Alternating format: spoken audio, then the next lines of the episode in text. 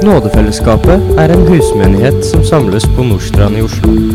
Vi håper at forsyndelsen du nå skal få høre, vil bevare og velsigne deg i Herren Jesus Kristus.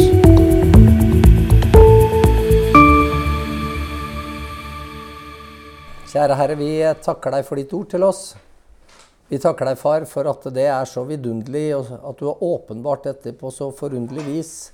Så detaljert og så, så fantastisk, Herre, helt ifra start til slutt. Vi ber Herre om at du kunne få lov til å åpenbare det nå via din ånd. eh, At jeg fikk lov til å dele dette slik som det er deg til ære, Herre, og at det måtte bli oss til gavn. I Jesu navn. Amen. Vi nærmer oss en høytid som vi som kristne er veldig glad i. Verden for så vidt og har blitt glad i den av litt andre grunner, men julen er til Guds ære. Handler om at han sendte sin Messias, som var, det var blitt profetert om så lenge. Og det handler om en stor glede, leser vi. En glede for hele folket, for alt folket. En Messias som vi har sett ikke kom for å skape fred på jorden. Og det er jo litt interessant, for det er det englene synger om. Fred på jorden. Men han kom med sverd, har vi lest i Matteus. Han skaper splittelse mellom de som tror og de som ikke tror. Og likevel så er det altså Jesus som muliggjør den endelige freden på jorden. Og at Gud kan ha sitt velbehag i mennesker, slik som englene altså synger det, og som vi kan lese om det i Lukas 2, 14. Og på tross av at vi feirer denne store gleden, så er ikke Jesu fødsel en av Guds høytidsdager. Den er ikke nevnt i Bibelen på den måten. Han, altså Gud, har derimot hatt en plan fra før jorda ble skapt, som også inkluderer noen høytidsdager. Noen dager som kan bryte opp i dagliglivets monotone preg, men som først og fremst altså skal minne mennesker om Guds gjerninger og om Guds løfter. Og vi finner Guds tanker om dette her allerede i første Mosebok 1. Så så grunnleggende er akkurat dette. Når Gud på dag fire så skaper han altså solen, månen og stjernene. Og der forklarer Gud hvorfor de er skapt. Ja, de er til for å lyse på himmelhvelvingen og skille mellom dag og natt. Men de har også en annen viktig oppgave som vi leser om. De skal være til tegn som fastsetter høytider og dager og år. Så solen og månen skal altså vitne om tid. Og samtidig skal de altså fastsette høytider. Guds planlagte høytider. Og Disse høytidene er en viktig del av Guds detaljerte plan og profeti. Og Derfor er det egentlig litt rart at ikke flere kristne kjenner bedre til akkurat det. Er mer med og feirer akkurat disse. Og jeg har, som dere kan se rundt meg og her, jeg har jo ikke noe imot å feire jul. Men slik den har utvikla seg, så kjenner jeg et stadig større behov for å distansere meg litt fra det verden har gjort dette til. Nå er det blitt en nisse- og handelsfest. Og jeg har en sterk følelse av at Jesus han trenger å komme med pisken og drive kjøpmennene ut av sitt tempel. Fordi at den som er blitt en kristen, blitt en del av Kristi kropp, er nå blitt Guds tempel. Og så er spørsmålet har vi gjort Guds tempel til en handelsplass når vi nå feirer jul eller ikke. Hvorfor kanskje ikke innrette mer av året etter de høytider som Gud har fastsatte, og som han la klart fra før skapelsen? Så viktig er de. Kanskje handler mangelen om at mange som begynner å lese Bibelen, de slutter før de er kommet til det stedet hvor disse høytidene blir beskrevet. For det er en del som begynner å skulle lese Bibelen og starter med frisk mot i første Mosebok. Og så begynner de å komme mot slutten av andre Mosebok, og så begynner de på tredje Mosebok, og da begynner det å bli trått. Og så kommer de aldri til første Mosebok kapittel 23, der du finner akkurat dette beskrevet. Men tredje Mosebok, venner, det er den boka i Bibelen der Gud taler mest direkte til mennesker. Og det burde gjøre det til en bok som var interessant for oss å lese. Men likevel så er det en bok som veldig mange hopper over. Men for troende jøder så har derimot denne boken vært veldig viktig. Og La oss lese fra vers 4 i 3. Mosebok kapittel 23. Og dere kan ha Bibelen oppslått der, for vi kommer til å, å lese mye derfra i dag. Vi starter altså i vers 4. Dette er Herrens høytider, de hellige sammenkomster som dere skal lyse ut til deres fastsatte tider. Gud han begynner her å ramse opp sine høytider. Og det er sju slike høytider til sammen som deler inn året. I den første måneden, på den 14. dagen i måneden, mellom de to aftenstundene, er det påske for Herren. står det. Den første høytidsdagen er altså påske. Den dagen da en minnes altså at engelen gikk forbi dørene i Egypt, der blodet fra lammet var strøket på dørpostene. Og festen skjer i den første måneden, leser vi. Og i vår kalender så er det jo ikke det. Det er gjerne i den tredje eller den fjerde måneden. Altså i mars eller april, men, men slik har det jo ikke alltid vært. Og selv i vår kalender så finner vi spor etter det nyttår, slik som Gud har egentlig innstifta det.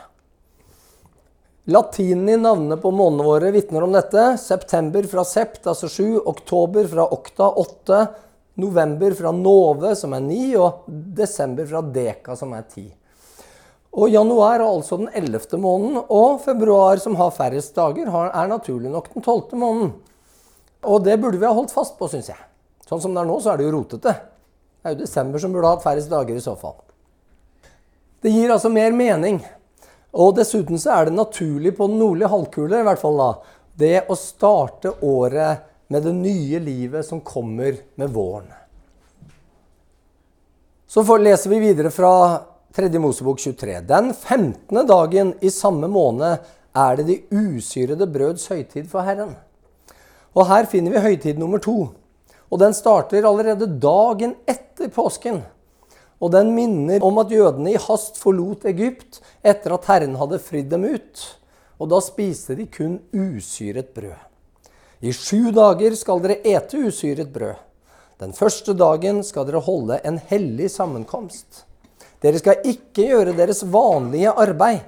Det står jo ikke at du ikke kan gjøre arbeid, men det står ikke deres vanlige arbeid. I sju dager skal dere ofre ildoffer for Herren. Og den sjuende dagen skal det være en hellig sammenkomst. Dere skal ikke gjøre deres vanlige arbeid. Og så kommer den tredje høytiden. Og Herren talte til Moses og sa:" Tal til Israels barn og si til dem:" Når dere kommer inn i det landet jeg vil gi dere, og dere høster landets grøde, da skal dere komme til presten med det første kornbåndet av deres høst. Han skal svinge kornbåndet for Herrens åsyn, for at Herren kan ha velbehag i dere. Her kommer man til Gud for at Gud skal ha velbehag i oss. Ønsker vi det, da må vi komme til Han. Dagen etter sabbaten skal presten svinge det. Samme dag som dere svinger kornbåndet, skal dere ofre et årsgammelt lam uten lyte til brennoffer for Herren, og matofferet som hører til. To tiendeler av en efa fint mel blandet med olje, til ildoffer for Herren, til en velbehagelig duft, og drikkeofferet som hører til. Fjerdedelen av en hin vin. Dere skal ikke ete brød eller ristet eller friskt korn før denne dagen, før dere har båret fram offeret for deres Gud. Det skal være en evig lov for dere fra slekt til slekt hjemme hos dere alle. I disse tørre områdene hvor Israel befinner seg, og i byer sånn som i Bersheba Vi var der for eh, nå litt over et halvt år sia. Det var der Abraham bodde fra gammelt av. Der er det slik at de kan forvente regn kun en periode av året. Og det begynner i beste fall da i november og vil vare maksimalt ut mars. Og dette regnet det må holde for hele året. Og Derfor er slutten av mars som regel den første måneden en kan begynne å høste. Og da er det en bestemte ting man gjerne kan begynne å høste. Man kan f.eks. begynne å høste bygg. Og man kan begynne å høste mandler og blodappelsiner og en del andre vekster. Og dette er spesielt bygg. Høsten det var forbundet med denne høytiden, som altså heter førstegrødefesten. Og dette kornbåndet man da svingte, det var gjerne bygg. Førstegrødefesten den leser vi kommer dagen etter sabbaten. Det betyr at den kommer på søndagen. Og Disse tre høytidene kommer på rekke og rad, altså på våren. Og De handlet om å minne folket på Guds gjerninger og om utgangen fra Egypt. Minne dem om godene ved å komme inn i det lovede landet. og huske på å takke Gud for det som han gir. Samtidig så er de også profetiske og skulle vitne om Messias sitt komme. Forfatterne av Det nye testamentet er tydelige på akkurat dette. Paulus han plukker dette opp i 1. Korinterbrev 5. Han skriver der om at det finnes hor i menigheten. Det er det han er opptatt av. Og Derfor så har også ikke de som går i denne menigheten, noe særlig å skryte av. Og så sier han det passer dårlig at dere roser dere. Vet dere ikke at en liten surdeig syrer hele deigen? Og her er en av flere steder der hvor også surdeig eller syra brød forbindes med synd. Det er et bilde på synd. Rens derfor ut den gamle surdeigen, så dere kan være en ny deig, siden dere jo er usyra.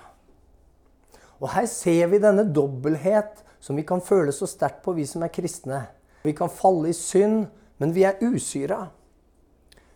Vi er på en måte syndfrie, om du vil. Hvorfor er det slik? Hvorfor var korinterne usyra på tross av at de syndet? Jo, for vårt påskelam er slaktet. Kristus. Så la oss holde høytid, ikke med gammel surdeig, ikke med ondskapens og lastens surdeig, men med renhets og sannhets usyrede brød. Paulus han beskriver altså at Jesus er den direkte oppfyllelsen av påskens høytid. Han er blodet som gjør at Guds dom går oss forbi. Og når Jesus innstifter nattverden, så ser vi at han snakker om at hans blod er gitt for oss. Og så sammenligner han sitt legeme med nettopp brød. Et brød som brytes. Brødet de brukte i påsken, det var usyret. Og det var symbolsk sett altså uten synd. Og det var dermed et symbol på Jesus sitt fullkomne og syndfrie liv. Det legemet, det brødet, det ble brutt i stykker på korset og lagt i en grav. og Derfor så er det et usyret brød. Det er matsa som vi bryter, og som dere får når vi har nattvær her i menigheten. Og Slik oppfylte altså Jesus den andre av disse høytidene. Og så kommer den første dagen i uken, søndagen, da Jesus sto opp fra de døde. Og Paulus knytter dette tydelig opp til den tredje av disse høytidene, førstegrødefesten. I 1. Korinterbrev, kapittel 15, i det kapittelet snakker han om Jesu oppstandelse hele veien og viktigheten av den. Og så skriver han Men er ikke Kristus reist opp? Da har dere en unyttig tro. Og da er dere ennå i deres synder.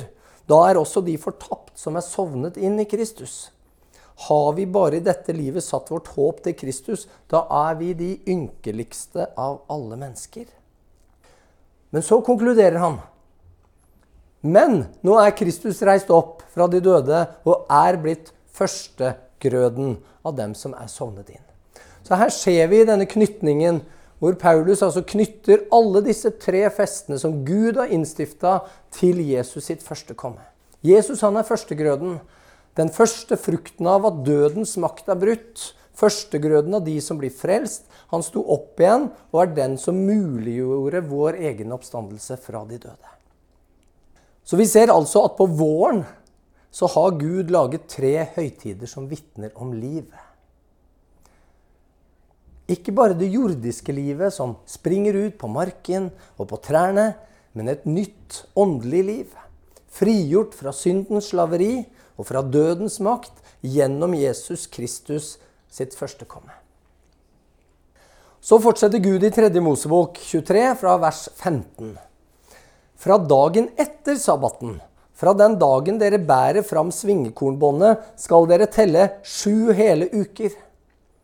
50 dager skal dere telle til dagen etter den sjuende sabbaten. Da skal dere bære fram for Herren et offer av den nye grøden. Dere skal komme hjemmefra med to svingebrød som er laget av to tiendedeler av en efa fint mel og bakt med surdeig. De er en førstegrøde for Herren. Merk dere at det her kom disse brødene og er bakt av surdeig. Det skal vi komme litt tilbake igjen til. 50 dager senere så kommer altså pinse, eller pentekost på engelsk, etter penta, som er fem. Og når vi begynner å se på hva som skjedde på denne tiden, så åpenbarer det seg egentlig noe veldig spennende. I 2. Mosebok 19,1 så kan vi lese Israelittene kom til Sinai-ørkenen i den tredje måneden etter at de var dratt ut av Egypt. Påsken var altså den 14. dagen i den første måneden. Det betyr at israelsfolket kom til Sinai-fjellet etter ca. 46 dager på reise. For en måned her er 30 dager. Den 47. dagen, om man teller med selve påskedagen, er det altså de er kommet fram til Sinai. Og Så setter de opp leiren sin, og så gir Gud Moses en del informasjon. Og Så kan vi lese i vers 11. Den tredje dagen skal de holde seg klare. Altså De har helliggjort seg sjøl da. De skulle f.eks. ikke være nær en kvinne disse tre dagene osv. Og, og for på den dagen skal Herren stige ned på Sinai-fjellet for øynene på hele folket. Så den 50. dagen etter at Gud altså har sendt de ut fra Egypt, så stiger Gud ned på Sinai-fjellet. Og hvordan er det han kommer? Jo, vers 18, det sier Hele Sinai berg sto i røk, fordi Herren var steget ned på det i ild. Røken steg opp som av en smelteovn, og hele fjellet skalv, står det. Gud, han kom i ild. Og det beskrives også torden. Og det som er veldig interessante med det ordet, hvis du begynner å slå det opp i Strong sin hebraiske ordbok, det er at det, akkurat det ordet på hebraisk også kan oversettes med stemmer eller språk. Det var storm og uvær, leser vi, og Moses han steg opp for å møte Gud, og der ga Gud folket loven. Han etablerte der sin pakt med sitt folk. Også Jesus steg opp på et fjell for å møte Gud når han gikk opp på Oljeberget. Og I Apostlenes gjerninger 2 så kan vi lese at apostlene samlet seg på et annet fjell. Et annet av Guds fjell, ikke Sinai, men fjellet Sion i Jerusalem. Da kom det med ett en lyd fra himmelen som når et veldig stormvær farer fram, og fylte hele huset der de satt. Og det viste seg for dem tunger liksom av ild, som delte seg og satte seg på hver enkelt av dem. Da ble de alle fylt med Den hellige ånd, og de begynte å tale i andre tunger, alt ettersom ånden ga dem å tale. Første gang så sto altså folket ved fjellet, men de måtte for all del ikke komme nær, for da måtte de dø. Denne ilden som Gud kom med, den ville fortære dem. Men i pinsen så kommer altså ilden ned og kommer helt nær. Den setter seg på hver enkelt av disiplene sitt hode. Og Gud han kommer ned, og så gir han dem sin hellige ånd. Og Gud opprettet den nye pakt med det folket som blir frelst i Jesus Kristus. Men det er flere ting som sammenfaller her. Vi skjønner at dette er ikke noe tilfeldig. Og det er jo klart når Gud har planlagt disse høytidene fra før jorda ble skapt. Moses han ble lenge på fjellet, og folket ba derfor Aron om å lage en gullkalv til dem, som skulle være dems gud. Og Gud forteller at folket synder, og Moses kommer ned fra fjellet. Og da samlet Moses dem som var lydig til Herren, rundt sin side. Og Det var alle fra Levis stamme, kan vi lese. Og de fikk i oppdrag å utøve den straffen for folkets synder. Og Vi kan lese om det i 2. Mosebok, kapittel 32, og i vers 28. Og Der står det Den dagen falt det omkring 3000 mann av folket. Jesus han valgte seg også ut noen menn som ønska å stå med Herren.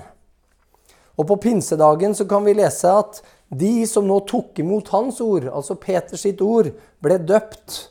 Og den dagen ble det lagt til omkring 3000 sjeler. Ser dere?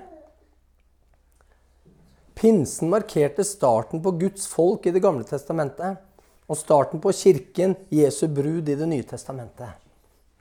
Og så tror jeg ikke det er tilfeldig, uten at jeg skal lage et altfor stort teologisk poeng ut av det, at denne første førstegrødehøytiden, der er det usyra brød. Det handler om synd osv.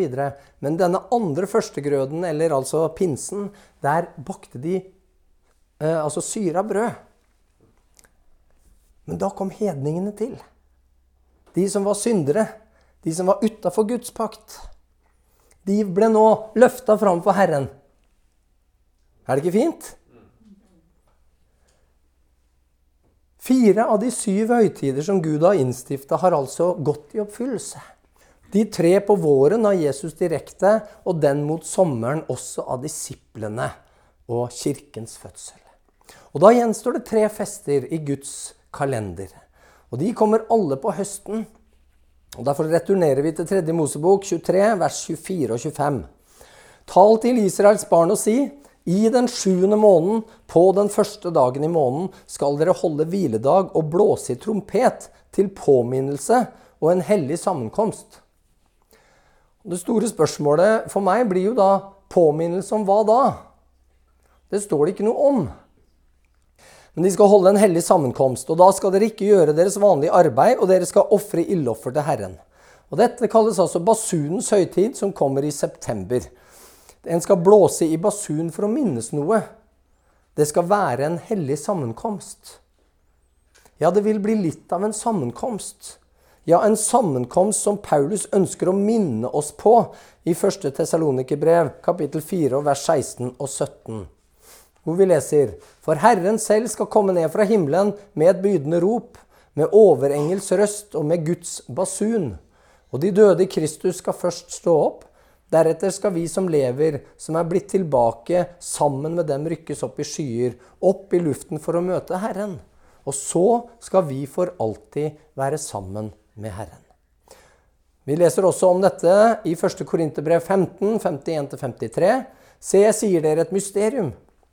Vi skal ikke alle sovne inn, men vi skal alle bli forvandlet brått, i et øyeblikk, ved den siste basunen. For basunen skal lyde, og de døde i Kristus, eller de døde skal bli reist opp, uforgjengelige, og vi skal bli forvandlet. For dette forgjengelige må bli ikledd uforgjengelighet. Og dette dødelige må bli ikledd udødelighet. Så basunens høytid, skjønner vi, den er åpenbart om Jesu gjenkomst. Akkurat slik de fire første her er blitt oppfylt veldig, veldig bokstavelig. Og det er helt riktig tidsmessig på dagen, kan vi lese. Så tror jeg også at det vil skje med denne festen. Men da får vi et lite problem, fordi Jesus sier at ingen kjenner dagen og timen. Og hvis dette skjer på dagen på basunens høytid, noe jeg tror den gjør, så blir spørsmålet hvordan kan det da skje? Hvordan kan det stemme? Og her kan ikke jeg være sånn Her kan ikke jeg si at Bibelen sier slik. Men jeg må da ta et forbehold her og si at eh, jeg tror det har å gjøre med at vi har rotet til kalenderen. Verken den jødiske månebaserte kalenderen eller den gregorianske kalenderen er rett. Og fra esseerne sine skrifter så vet vi at de hevder at Gud ga Moses en solbasert kalender. Og siden altså esseerne de tok imot Jesus, og de hadde skrift, i skriftene sine før Jesus kom, at Gud ville sende en sønn. De hadde forstått dette her som ikke fariseerne og sadukeerne forsto. De skjønte at Messias også skulle være Guds sønn. Og det betyr at jeg opplever at det gir dem troverdighet når de snakker om dette. Den kalenderen de mener altså er den rette, den er ikke i bruk noe sted. Derfor er det veldig enkelt at ingen kan kjenne dagen og timen. Men Bibelen er derimot veldig klar på at vi sanne troende også skal kjenne sesongen. Og Derfor så mener jeg at vi kan forvente Herrens gjenkomst på høsten. Men vi fortsetter i 3. Mosebok 23 vers 26. Og Herren talte til Moses og sa, men den tiende dagen i den sjuende måneden er det soningsdag. Da skal dere holde en hellig sammenkomst, og dere skal faste og ofre ildoffer til Herren. Den dagen skal dere ikke gjøre noe arbeid. Her, her er det forskjell. De andre dagene skulle du ikke gjøre ditt vanlige arbeid. Denne dagen skal du ikke gjøre noe arbeid. Grunnen vil bli ganske klar for oss at den dagen tror jeg ikke de som blir rammet av dette, vil være i stand til å gjøre noe arbeid heller. For det er en soningsdag. Da skal det gjøre soning for dere for Herrens, deres Guds åsyn. Hver den som ikke faster den dagen, skal utryddes av sitt folk. Det må ikke gjøres noe arbeid den dagen. Her kommer det igjen. Det skal være en evig lov for dere fra slekt til slekt hvor dere så bor. En høyhellig sabbat skal den dagen være for dere, og dere skal faste. Den niende dagen i måneden om kvelden, fra den ene kvelden til den neste, neste skal dere holde deres sabbatshvile. Jeg har tidligere talt for dere om Jesu gjenkomst, og da har jeg argumentert med at det er ikke et sånn tryllestavsgreie. Det er en prosess, sånn som alt Guds arbeid alltid har vært på jorda. Det vil ta tid. Og her er en av de plassene som vitner om akkurat dette. Høytiden vi leser om her, kalles altså Jom kippur, eller den store forsoningsdagen. Og det er jødenes viktigste høytidsdag nå. Og Jeg syns jo det også er litt interessant eh, historisk sett. Og den ser vi altså inntreffer ni dager etter basunens høytid. Ni dager. Det er noe som skjer under basunens høytid, som gjør at Israel får behov for å forsone seg med Gud. Og dette er en dag som profetene har talt om. Og I Zakaria kapittel 12 så kan vi lese om den store krigen som kommer mot Israel i endetiden. Og der kommer Herren selv og frelser dem, kan vi lese. Fra Det nye testamentet så vet vi at det er Jesus som kommer og redder dem. Og da må Jesus allerede ha kommet igjen først. Guds høytider vitner altså om at Jesus kommer igjen ni dager tidligere. Og så skal det endelig skje en stor forsoning mellom Israel og Gud. Og Zakaria skriver fra vers 10.: Men over Davids hus og over Jerusalems innbyggere vil jeg utgyte nådens og bønnens ånd. Og da skal de skue opp til meg som de har gjennomstunget. Og dere vet, her er det Gud selv som taler. Og hvis du møter en jøde på din vei, så må du ta han med til Zakaria 12 og si Når var det dere jødene gjennomstakk deres Gud? Det er det Gud sier her. Dere har gjennomstunget meg. Spør en jøde om det. Og så kommer det videre. Og de skal sørge over ham som en sørger over sin enbårne sønn, og klage sårt over ham slik som en klager over sin førstefødte. De skal skue opp til meg, står det. Her er det Gud altså selv som taler. Og nå vil de se Jesus. For Jesus er kommet igjen. De vil se han. Og så vil de plutselig forstå at det var han vi har gjennomstunget.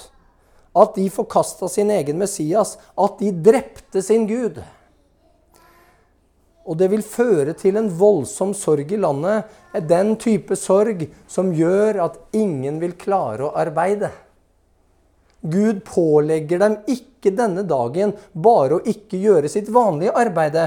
Han krever at de ikke skal arbeide i det hele tatt. Er dette tilfeldig? Nei, på denne dagen kan jeg love deg at det ikke er tilfeldig. Den dagen så vil jødene ikke makte å gjøre noe som helst, når de forstår at i tusenvis av år har vi altså holdt dette og undertrykket denne sannheten. Og de vil sørge over en enbåren sønn. Guds enbårne sønn, vår Herre, som altså vi bekjenner i trosbekjennelsen. Det vil bli en anger og et oppgjør der Israel omvender seg. Men Israels forkastelse av sin Messias den vet vi historisk. Den har hatt en voldsom pris. Og den er ikke over ennå. Vi leser videre om det i Zakaria i neste kapittel, Zakaria 13, vers 8 og 9. I hele landet, sier Herren, skal to tredjedeler utryddes og omkomme. Bare en tredjedel skal bli spart, og denne tredjedelen vil jeg la gå gjennom ilden. Gud han kommer med ild igjen, en tredje gang, han kommer med det på dommen også gjennom ild. Så når Gud kommer altså På Sinai så er det ild. I pinsen så er det ild. I dommen så er det ild. Han kommer altså med ild hele tiden. Denne tredjedelen vil altså Gud rense som en renser sølv og prøve den som en prøver gull. Og da skal de påkalle mitt navn, og jeg vil bønnhøre dem. Jeg vil si, de er mitt folk, og de skal si, Herren er min Gud. Med andre ord den forsoning, den sorg, er sann, den er ekte. Den gjør det slik at Gud igjen vil si 'dette er mitt folk'. Han vil ta imot dem fordi det er en sann forsoning som skjer. Fordi at de endelig ser Kristus Jesus. Det er ikke at jødene blir frelst på noe annen måte enn noe annet folkeslag. Men ved å erkjenne Jesus som sin Messias, så blir de i likhet med oss også frelst, og de finner Guds velbehag. Etter at dette skjer, så kommer den siste av Herrens fester. Da er vi i vers 33 i 3. Mosebok 23. Og Herren talte til Moses og sa, Tal til Israels barn og si, fra den 15. dagen i denne samme sjuende måneden igjen, altså, skal løvhyttefesten holdes for Herren. Og den skal vare i sju dager. Det er fullkommenhetens tall her. Eh, og dette vitner om en ting, og det vitner om en tid hvor denne festen altså holdes. Og det tror jeg heller ikke er tilfeldig. På den første dagen skal det være en hellig sammenkomst. Dere skal ikke gjøre deres vanlige arbeid. Igjen, her er det vanlig arbeid. Det er det på alle disse utenom altså den sjette. Bare legg merke til disse småtingene. Det er interessant. Den åttende dagen skal dere holde en hellig sammenkomst og ofre ildoffer til Herren. Det er en festsammenkomst. Dere skal ikke gjøre deres vanlige arbeid. Og igjen, merk dere detaljene. Hva er det tallet åtte representerer? Ja, det representerer det evige. I matematikken så er det et nedlagt åttetall som er uendelig. Det er den åttende dagen. Men festen begynner før. Og igjen, dette er ikke tilfeldig. Fem dager etter den store forsoningsdagen så kommer altså løvhyttefesten. Den festen som vitner om at Gud fra da av og til evig tid vil ha samfunn med sitt folk. Og Dette finner vi også i Zakaria. Da må vi bla om enda et kapittel, til kapittel 14. og Den viser at det er en delvis oppfyllelse av denne festen, men at den ikke fører oss inn i evigheten riktig ennå. Jesus regjerer her på sin trone i tusenårsriket. Og I Zakaria 14 står det alle de som blir tilbake av alle de hedningefolkene som angrep Jerusalem. Og Her finner vi ut hvem det er som befolker dette tusenårsriket. I tillegg til alle de kristne som nå regjerer med Kristus, så er det en god del mennesker igjen. Det er alle de menneskene som ikke er drept etter alle plagene i endetida.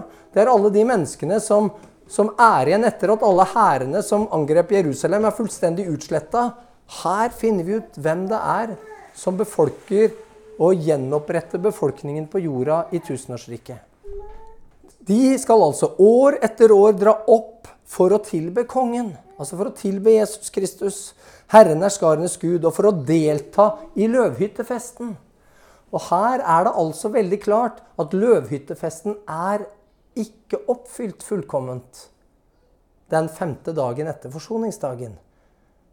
Men den vil fortsatt bli feira i disse tusen årene. Og dette blir altså en viktig fest. Alle de andre vil nå være oppfylt. Det er kun én fest igjen i Herrens kalender. Og den er så viktig at om egypterne ikke drar opp og ikke møter fram, da skal det ikke komme regn hos dem. Og det samme plagen skal Herren ramme alle de hedningefolkene som ikke drar opp for å delta i løvehyttefesten. På den dagen skal det stå på Herrens bjeller Hellige til Herren, og grytene i Herrens hus skal være som offerskåler foran alteret, og hver gryte i Jerusalem og Juda skal være hellige til Herren, herskarenes Gud. Alle de som ofrer, skal komme og ta av dem til å koke i.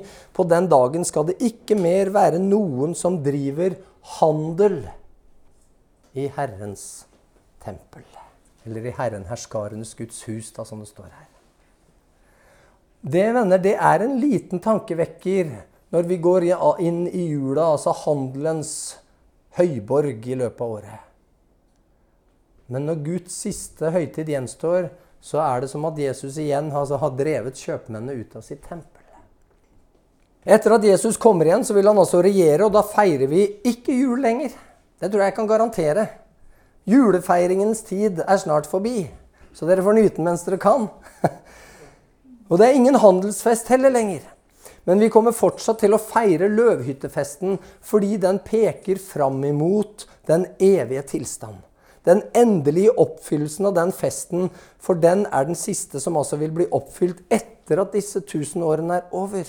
Etter at dommedag er over, og etter at Gud har skapt en ny himmel og en ny jord, og Jesus overgir alt til Faderen for at han skal bli alt i alle, som vi leser om. Og så Da lever vi i et evig samfunn, et evig tabernakel med Han. Og Johannes han beskriver dette slik i Johannes' åpenbaring 21, 3-5. Fra tronen hørte jeg en høy røst som sa, Se, Guds bolig er hos menneskene. Han skal bo hos dem, og de skal være hans folk. Og Gud selv skal være hos dem og være deres Gud. Han skal tørke bort hver tåre fra deres øyne, og døden skal ikke være mer. I tusenårsriket så skal det være død. For de vil dø unge når de er 100. Men her skal døden ikke være mer. Og ikke sorg, og ikke skrik og ikke pine skal være mer, for de første ting har veket bort. Og han som satt på tronen, sa, Se, jeg gjør alle ting nye. Og her ser vi altså, venner, hvordan Guds syv høytider rammer inn alle de 7000 årene av Guds historie. Så avslutter vi fra 3. Mosebok 23. Dette er Herrens høytider. Det er ingen flere. Gud konkluderer sine høytider her i 3. Mosebok 23. Han har ikke lagt til en julefeiring. Han har ikke lagt til noen andre feiringer, han. Han har kun disse syv. Dere skal lyse dem ut som hellige sammenkomster. Og jeg tror, venner, at det kan være lurt at vi begynner å gjøre det. Guds høytider de vitner om at vi har mye å vente på. Det er advent. Vi skal feire at Jesus kom. Men jeg tror venner, at det er på tide at vi løfter blikket. Og så begynner vi å forvente hans komme og en feiring av den eneste festen som vi da skal feire, som står igjen, nemlig løvhyttefesten i Jerusalem.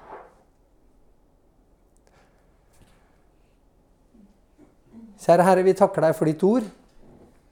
Herre, ditt ord er fantastisk. Det er så fullt av detaljer, og jeg har bare skrapa overflaten her i dag. Og vi kunne snakka mye mer om dette, men, men, tiden strekker ikke alltid til.